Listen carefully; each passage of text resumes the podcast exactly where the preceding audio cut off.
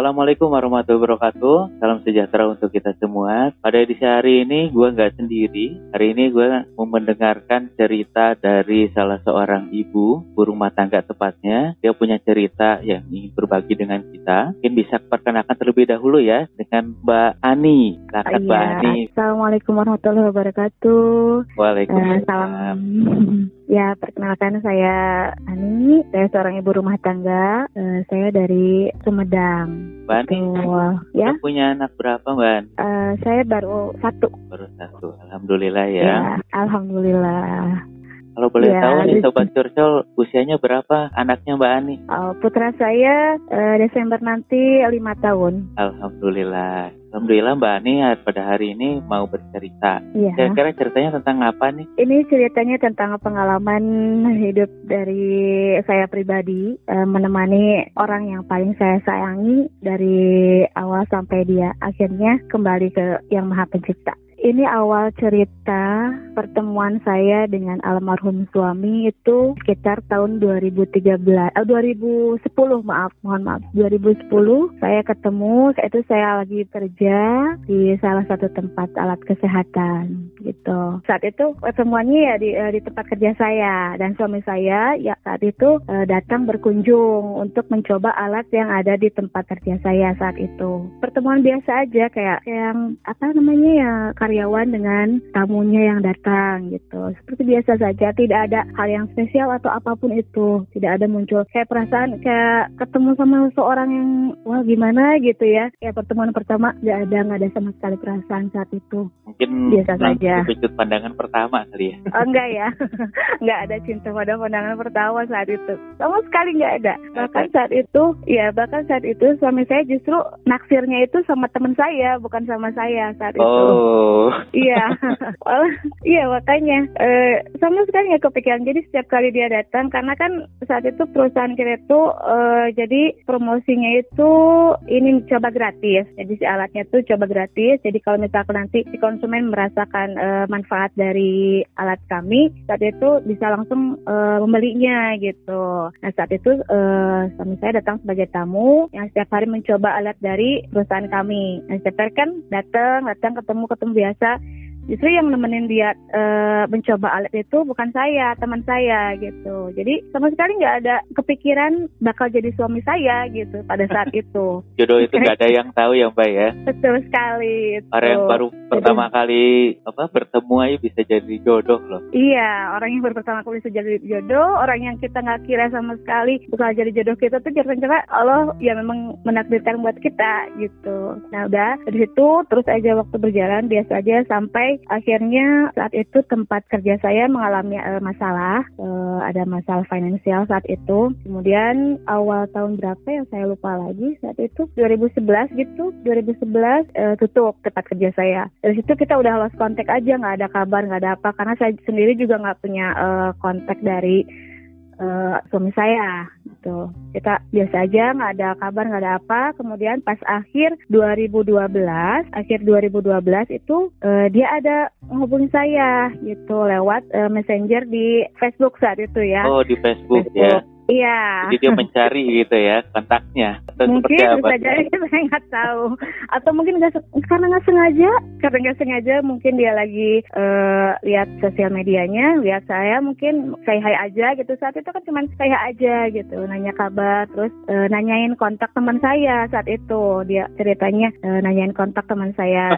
modusnya iya. biasanya ya? Iya gitu, biasalah mungkin modusnya para laki-laki kayak gitu terus uh, dia kasih uh, nah apa namanya dia minta nomor uh, teman saya terus saya kasih. Nomor kamunya kok nggak dikasih? Oh kata saya butuh juga nomor saya. Kata saya gitu jadi niatnya buat ke temennya ya itu minta iya, juga nomor kontaknya ya.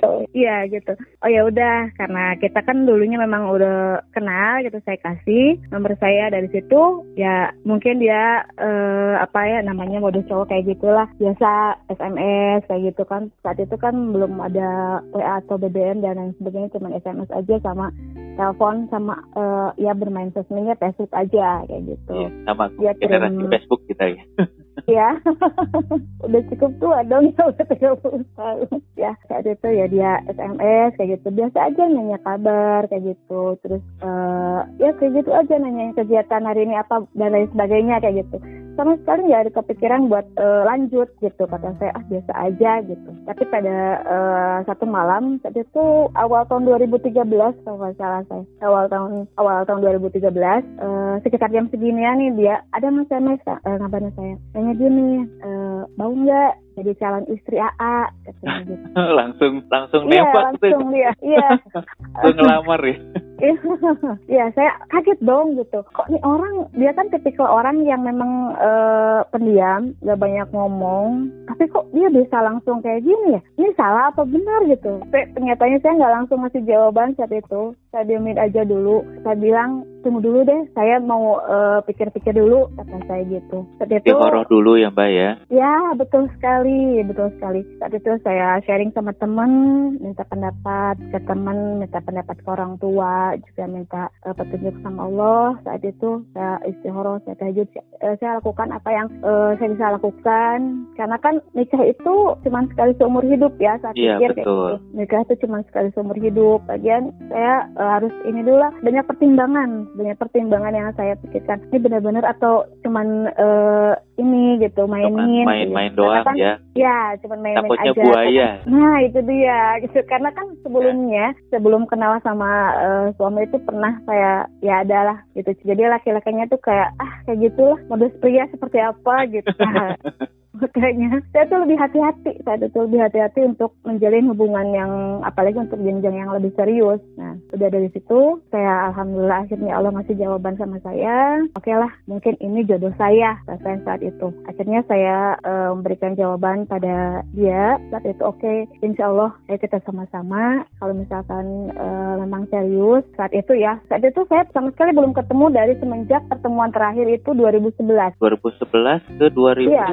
2013. 13 ya, dua iya, tahun. Iya, kurang lebih kayak gitulah. Udah dua tahun saya nggak ketemu sama dia. Saya bilang gini, kalau memang benar-benar uh, kami laras-laras ah serius, sepangan hela, seku abi gitu. Saya bilang kayak gitu. Uh, oh mangga, akhirnya dia datang ke rumah dia datang ke rumah nemuin orang tua saya dia bilang mau uh, serius sekarangnya orang putri bapak gitu sama orang tua saya jadi langsung datang ke rumah ya iya dia sendiri datang ke rumah gitu saya telepon orang tua saya mah pak laras tuh ayah pamaget sumping kabumi soal abis teh nyarias kumaha gitu soal jadi ya. artinya itu kalau bahasa Indonesia nya bener gak gitu?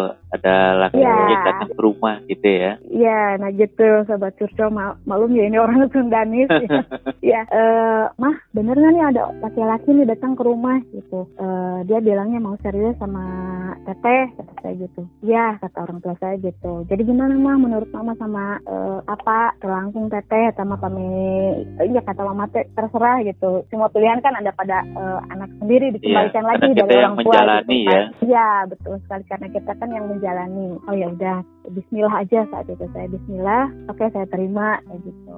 Dan situ ya berlanjut terus kita saling mengenal sama lain mengenal dengan keluarganya dan alhamdulillah keluarganya juga saat itu welcome sekali gitu sama saya. Uh, dari keluarga saya juga menerima dengan uh, almarhum suami saya saat itu. Dua tahun berjalan, telah saling mengenal dan uh, satu sama lain. 2015 saya dan suami menikah. Menikah saat itu bulan bulan April. Dan April uh, bahagia banget kan ya. Setiap orang yang bisa persatukan dalam satu ikatan yang udah diridoi istilahnya kayak gitu udah pasti kan bahagia banget udah halal kayak gitu kan yeah. udah bahagia senang seneng banget saat itu. Akhirnya saya menemukan orang yang uh, tepat karena dia orangnya penyayang. Almarhum itu orang yang uh, hanya itu tulus, ikhlas nggak mandang eh, nggak uh, mandang fisik, nggak mandang apa pun itu. Jarang sekali kan sosok pria yang bisa menerima pasangannya dengan uh, tulus dengan ikhlas, sayang banget dengan tulus dengan ikhlas itu udah jarang banget. Apalagi menerima kekurangan dari pasangannya. Berarti benar-benar almarhum itu sosok suami yang memang pengertian dan bisa menerima kekurangan dari pasangannya ya. ya.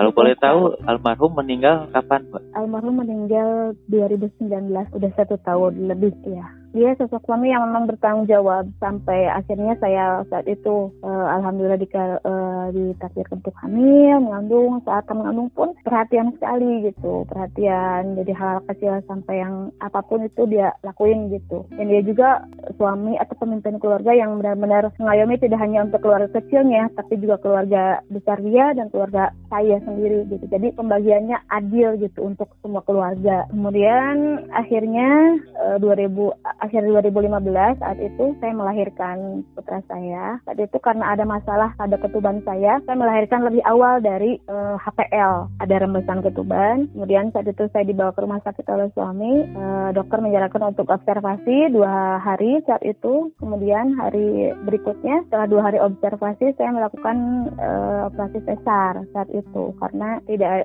setelah melakukan apa rangsangan dan lain sebagainya tidak ada perubahan, tidak ada pembukaan, tidak ada perubahan sama sekali. Akhirnya dokter memutuskan untuk saya melakukan operasi sesar. Saya ditemani sama suami saat itu. Almarhum benar-benar menjaga saya dan bayi saat itu. Sampai saya pas keluar dari ruang operasi, dia nanya ke petugas medis ya, Bu, ini sadar Bu? Suami saya, eh, maksudnya suami saya kayak gitu sampai nanya sama susternya itu sambil ya uh, membawa saya ke ruang perawatan. Ini sadar mas, Bu, ini sadar Bu, ini sadar karena saya saat itu masih terkejam. Sampai segitunya ya pada istrinya? Iya, iya sampai segitunya. Uh, pas akhirnya saya sampai ke ruang perawatan saat itu, pas saya buka mata, ini saya kayak nangis, ini saya nangis. Mungkin ya ter, entah itu terharu atau entah itu menangis bahagia. Iya. Saya nangis. Dia dia mencerita apa? Dia uh, senyum, dia ketawa sama saya. Uh, dia bilang, ini dia udah lahir, laki-laki, kaset, hidungnya mancung. Gitu. Saya masih ingat kata-kata bahagia banget, rasanya lengkap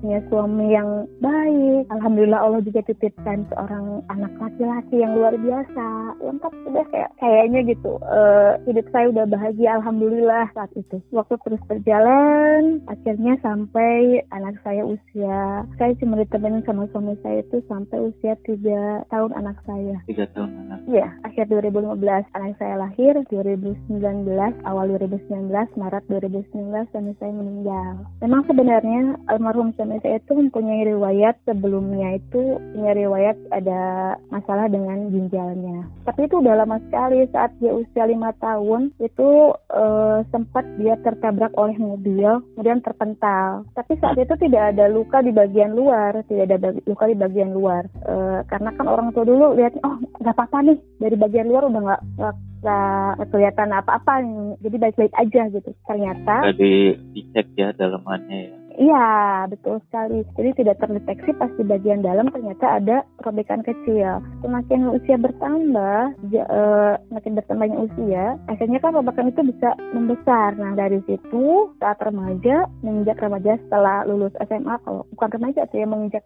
udah lulus SMA aja, udah lulus SMA, dia mengalami itu uh, bengkak-bengkak kayak gimana aja kayak gejala ginjal gitu kan. Oh seluruh badannya bengkak kayak gitu. Pengobatan demi pengobatan udah dilakukan sama pihak keluarga berbagai macam cara. Setiap ada yang ngasih tahu pengobatan yang medis maupun non medis itu selalu dilakukan ke mana pun gitu. Uh, ya sama pihak keluarga dari uh, almarhum suami saya. Tapi Allah belum menakdirkan untuk sembuh saat itu. Sampai kemudian almarhum suami saya itu ada yang ngasih tahu ke dokter spesialis dalam yang ada di kota saya. Nah udah kayak gitu, ya keluarga akhirnya coba membawa uh, almarhum suami saya ke dokter spesialis tersebut. Dari situ, alhamdulillah kalau memberikan jalan mungkin setelah sekian lama berjuang, udah hampir 10 tahun mungkin saat itu berjuang mencari pengobatan ke sana kemari, alhamdulillah Allah memberikan kesembuhan saat itu.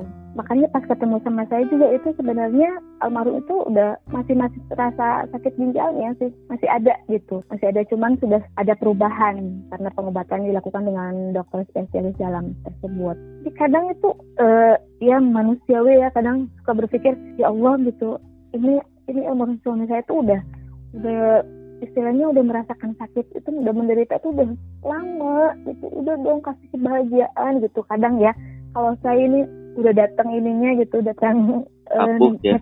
sama Allah ya ya Allah kasih dong kebahagiaan gitu buat dia gitu. Saya kayak gitu. Ya pas ketemu saya juga sih itu udah alhamdulillah udah udah udah sembuh. Pas nikah juga udah nggak udah nggak kerasa. Sama saya udah nggak nggak ada nggak ada apa namanya nggak ada kelihatan dia mau gejala ginjal nggak ada. Karena kan setelah pengobatan ke dokter itu dia udah sembuh gitu udah nggak pernah ngerasain sakit udah nggak ngerasain gejala yang dia rasakan sebelumnya gitu. Setelah menikah alhamdulillah dia tidak pernah merasakan sakit tidak merasakan apa pun. Tapi ketika awal 2019 itu yang yang buat saya aduh tanya-tanya kenapa? gitu. Terus sama sekali nggak ada kepikiran saya ini kambuh lagi gejala ginjalnya itu saya nggak pernah kepikiran kambuh gitu. Karena ini pas sakit itu itu gejalanya hanya yang dirasakan hanya lambung terus mual-mual. Itu yang pertama kali dia rasakan. Saya pikir itu hanya lambung biasa ah ini mungkin sakit mah aja karena telat makan atau mungkin makan pedas kayak gitu. Karena memang selama berumah tangga dengan saya nggak pernah sakit yang sampai parah. Jadi mungkin tipe suaminya mbak itu orang yang tidak mau bercerita kalau misalnya dia ya. sakit ya tidak mau merepotkan begitu ya. Jadi suami saya itu orang yang nggak pernah banyak bicara dan orang yang tidak mau membuat orang lain khawatir kayak gitu. Dia lebih baik memendam sendiri, merasakan sendiri apa yang dia rasakan, nggak ceritain sama orang lain, termasuk saya istrinya sendiri gitu. Dia nggak pernah mau cerita.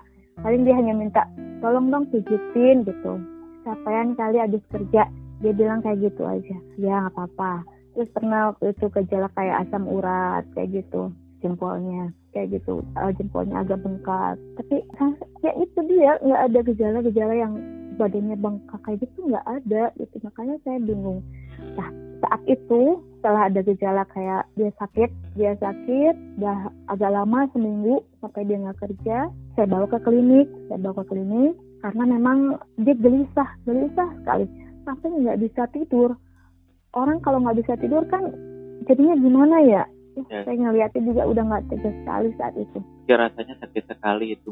Iya, uh, saya bawa gitu. ke klinik. Iya, saya bawa ke klinik saat itu setelah pemeriksaan ternyata darahnya memang uh, hipertensi ya saat itu hipertensi. Kemudian dokter juga mengatakan hanya gejala lambung saja, tidak ada gejala yang lain. Kemudian kami pulang dengan berharap, saya berharap setelah ke klinik ini bisa ada perubahan gitu. Tapi ternyata enggak. Yang saya harapkan itu ternyata sama sekali tidak ada perubahan yang dialami. Malah semakin mual semakin muntah gitu. Nah saat itu saya masih penasaran dong. Karena gelisahnya itu masih terus berlanjut. Saya bawa lagi almarhum ke klinik. Malah yang kedua kalinya dokter mengatakan hasil diagnosisnya ada gejala lain gitu selain lambung dan uh, hipertensi yang uh, dialami oleh suami saya itu. Sobat Surga boleh tahu nggak kondisi ketika yang pertama di klinik itu kondisi almarhum itu seperti apa, Mbak? Kondisi... Pas pertama ke klinik? Iya. Itu apa yang namanya tidak begitu parah, hanya memang gelisah. Gimana kalau orang yang gelisah kayak sulit tidur itu kayak kalau insomnia, tapi ini lebih parah sampai pagi tuh nggak bisa tidur sama sekali gitu mual aja mual terus sama itu aja makanya nggak ada gejala yang yang saya sakit parah enggak gitu. Kayak normal malah dia bawa bawa motor sendiri tuh dia masih bisa bawa motor sendiri masih bisa bonceng saya saat itu. Makanya nggak ada yang aneh gitu. Pas kedua kalinya pas ya kedua ke klinik itu ya itu udah semakin parah gelisahnya udah sama sekali nggak tidur dia. Matanya merah badannya udah udah oh, udah nggak ini saya udah nggak bisa berkata-kata saat itu. Saya bawa ke klinik dokter bilangnya kayak gitu. Saya pulang saya rundingan sama keluarga saya sama keluarga almarhum juga. Ini gimana baiknya malah kata saya gitu. Ya udah eh, coba nanti kita eh, bawa ke IGD nah, saat itu suami saya juga meminta untuk dibawa ke IGD rumah sakit saat itu. Oke okay, eh, saya minta tolong sama teman saya antar ke IGD rumah sakit. Itu pas datang ke IGD kemudian dokter melakukan pemeriksaan. Saat itu kondisi saya kondisi si almarhum udah udah agak lemes ya karena memang dia nggak bisa makan nggak ada nafsu makan terus gelisah yang luar biasa kayak gitu. Udah matanya merah nggak bisa tidur. Orang kalau nggak tidur berapa hari kelihatannya udah aduh udah lemes banget kayak gitu. Kasih bawa ke rumah sakit lakukan cek darah dan hasil lab ternyata luar biasa. Saya shock banget saat itu. Dokter mengatakan bu ini hasil tes darah bapak menunjukkan kreatininnya itu e, melebihi dari batas normal. Gitu melebihi dari batas normal. Otomatis ginjalnya sangat bermasalah ginjalnya hampir tidak berfungsi katanya gitu. Udah berarti otomatis gagal ginjal. Nah, itu ya. cuman, iya saya cuma diem aja ya Allah ini benar apa? Mimpi kata saya. Ini kan udah lama banget suami saya sembuh alhamdulillah. Tapi ini kok tiba-tiba gitu tiba-tiba langsung aja. Ini udah gagal ginjal gitu. Dan dokter saat itu menyarankan satu-satunya cara adalah melakukan cuci darah. Saya lihat ekspresi suami saya cuma diem aja. Saya tanya tadi ini hasilnya seperti ini. E, gimana? Tadi mau nggak cuci darah kata saya gitu. Ini saya cuma diam aja dia nggak banyak ngomong diam aja. Udah saya eh, nggak uh, banyak nggak saya nggak tanya lagi. Udah beberapa lama dokter uh, bertanya lagi gimana bu? Udah ada keputusan atau belum dengan bapak? Bapak mau nggak melakukan cuci darah tindakan cuci darah ini? Akhirnya saya balik lagi sama suami saya tanya lagi abi gimana ini satu-satunya jalan adalah harus cuci darah. Saya bilang, Abi mau nggak? Saya, saya, saat itu sampai saya ngeliat, ngeliat saya, mandang mata saya. Nggak, Mi, kurang wih, we, kita pulang aja yuk. Saat itu kondisi sudah pukul 22 atau jam 10 malam. Udah nggak ada dong kendaraan umum yang lewat saat itu tempat saya. Abi ini udah malam, kata saya gitu. Pokoknya Abi mau pulang, nggak mau cuci darah, kata suami saya. Karena dia orangnya itu kalau udah AA kalau udah B B gitu. Ya udah. Saya bilang oke okay, kita pulang. Akhirnya saya bicara lagi dengan dokter. Dokter maaf suami saya tidak e, menyetujui untuk melakukan tindakan cuci darah ini. Saya bilang itu tapi bu kalau misalkan tidak dengan cuci darah bapak mau dengan apa? Kata dokter gitu. Saya sudah memujuk suami saya dokter tapi suami saja suami saya saya bilang tetap tidak menyetujuinya. Akhirnya kita pulang paksa Waktu itu kenapa almarhum gak menyetujui? Karena pasti almarhum udah tahu resiko atau efek dari cuci darah tersebut seperti apa. Karena banyak orang yang sudah melakukan cuci darah itu ya hanya hanya sebentar saja, maksudnya tidak berumur panjang. Kebanyakan tuh. Mungkin suami saya berpikir seperti itu, ah udahlah daripada cuci darah, udah aja jalanin aja seperti ini gitu. Pikir suami saya kayak gitu mungkin. Karena dia nggak dia sama sekali tidak menceritakan kenapa dia memut tidak apa tidak menyetujui untuk melakukan tindakan tersebut. Udah saat itu kayak kita pulang. Kayak gitu. Saya pulang. Alhamdulillah saat itu masih ada angkutan umum yang lewat. Pulang nyampe ke rumah. Udah gitu dia masih tetap dengan gelisah nggak bisa tidur. Sampai dia bolak balik uh, dia sampai dia bolak balik sampai dia baca Quran sampai dia, dia tapi tetap aja dia nggak bisa tidur. Abi coba di tenangin aja kata saya gitu. Coba Abi relax Abi jangan banyak pikiran saya bilang gitu. Saya coba terus tenangin suami saya. Coba Abi relax tenang nggak usah banyak pikiran dulu. Kita baca Quran dulu kita sholat dulu kata saya gitu sama suami. Segala cara udah dicoba tapi tetap aja gelisah dan terus gelisah kayak kayak banyak pikiran nggak bisa tidur gitu cuman apa yang dipikirin tuh nggak tahu saat itu. Cerita ya ke Mbak ya? Iya, karena suami saya tuh tipikal orang yang kalau ada masalah tuh nggak pernah mau cerita sama orang lain. Sampai saat itu saat lagi hujan, tengah malam jam 1 atau jam 2 gitu. Dia keluar. Abi mau ngapain, Di? Saya kejar dong. Saya takut dia ke mana-mana gitu. Abi mau ke mana, Di? Gitu. Ini hujan, udah tengah malam, Abi mau ke mana? Dia gitu. Nggak bisa tidur nih kata saya. Nggak bisa tidur. Ya udah kita kita ke kamar lagi yuk kita kamar kata saya gitu. Ayo kita balik lagi. Udah akhirnya suami saya balik lagi. Saya terus aja coba tenangin saya temenin sampai sampai jam 3 subuh saat itu. Wah suami saya nih ayo nih kita balik lagi aja ke rumah sakit. Nggak bisa bi kata saya bilang itu nggak bisa ini udah pagi. Mana ada kendaraan yang lewat kayak gitu. Saya tenangin coba tenangin. Akhirnya pas pagi paginya saya bawa almarhum ke rumah uh, ke rumah mama ke mama mertua saya. Kita tidur di sana tidur di sana. Sampai akhirnya uh, saat itu udah berbagai ya udah udah berbagai cara lah istilahnya udah non medis dan medisnya udah non medisnya kita berusaha semaksimal mungkin gitu. Sampai ini kata keluarga juga ya udah kita bawa aja lagi ke dokter yang kemarin ke dokter yang waktu itu yang waktu itu nanganin gitu. Ya udah akhirnya hari Senin saat itu saya dan keluarga membawa suami saya ke dokter ke tempat praktek dokter tersebut. Tuh udah dibawa ke sana. Di giliran kita diperiksa dokter melihat kondisi suami saya periksa ya lihat uh, kondisi perutnya saat itu. Karena kan saya udah menceritakan bahwa dia punya riwayat sakit ini sebelumnya dan pernah ditangani oleh dokter saya gitu. Saat itu dokter ngeliat kondisinya. Coba cek uh, coba cek darah. Kita cek darah ke laboratorium kemudian keluar hasil. Dokter ngeliat hasil cek darahnya dokter pun kaget. Ah ini udah udah parah ini kata dokter bilang gitu. Ini udah parah ini ini harus cuci darah ini. Sekarang juga bawa ke IGD rumah sakit. Saya kasih uh, rujukan kata dokter kayak gitu. Dan itu baru suami saya di karena kata dokter kata saya karena kata dokter juga barusan seperti itu jadi Abi mau ya saya rujuk lagi. Ya udah akhirnya kita bawa ke rumah sakit ke IGD rumah sakit kembali saya pakai motor waktu itu langsung meluncur ke rumah sakit e, melakukan pendaftaran suami saya dengan e, kakak dan mama saat itu. Dan di mobil pun mama saya iya mama mama cerita pas e, sebelum ini. Jadi suami saya tuh udah nitip nitipin saya sama anak saya ke mama sama ke kaipar saya. Ah nitipnya di si Adin. Di si suami saya di saya nggak ada gitu kata kakak saya emang ke mana gitu. Sama sekali nggak kepikiran untuk ke situ. Untuk ya untuk hal itu gitu.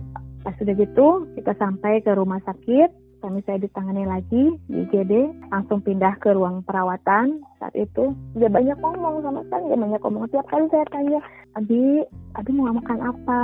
Abi hoyong naon? gitu. Abi mau apa? Saya bilang kayak gitu. Enggak Abi mah nggak mau apa-apa. Selalu aja bilang kayak gitu. Dia maunya saya tuh terus aja ada di sampingnya saya nggak boleh ngelangkah sedikit pun ke mana pun nggak boleh di saat itu. Udah saya temenin itu saya jaga sendiri saya temenin. Uh, selalu saya selalu saya ajak ngobrol saya uh, video call anak saya gitu. Itu saya uh, kasih support kasih semangat terus. Abi lihat sih tingkah lucu Dede kayak gini. Saya selalu ceritain Abi Abi harus berjuang Abi harus sehat lagi. Jangan Dede di rumah sendirian saya bilang kayak gitu. Lalu nah